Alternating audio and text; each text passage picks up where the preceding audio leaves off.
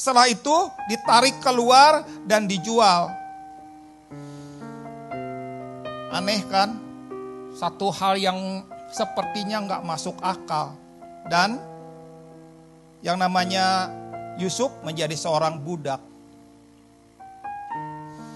Apa yang dilakukan ketika Yusuf menjadi seorang budak? Dia nggak nggak berbuat apa-apa. Dia nggak ngerti apa-apa.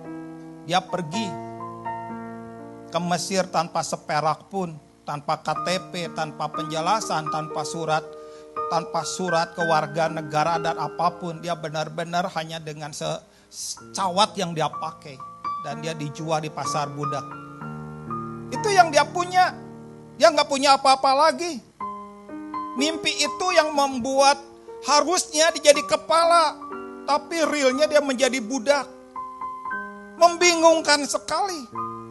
Semuanya dalam waktu yang singkat. Semuanya tega. Waktu dia dijual pun, dia memandang ke belakang. Saudara-saudaranya mengejek dia. Mereka pengen mengatakan, kami pengen tahu mimpinya bakal jadi seperti apa kalau kamu menjadi seorang budak.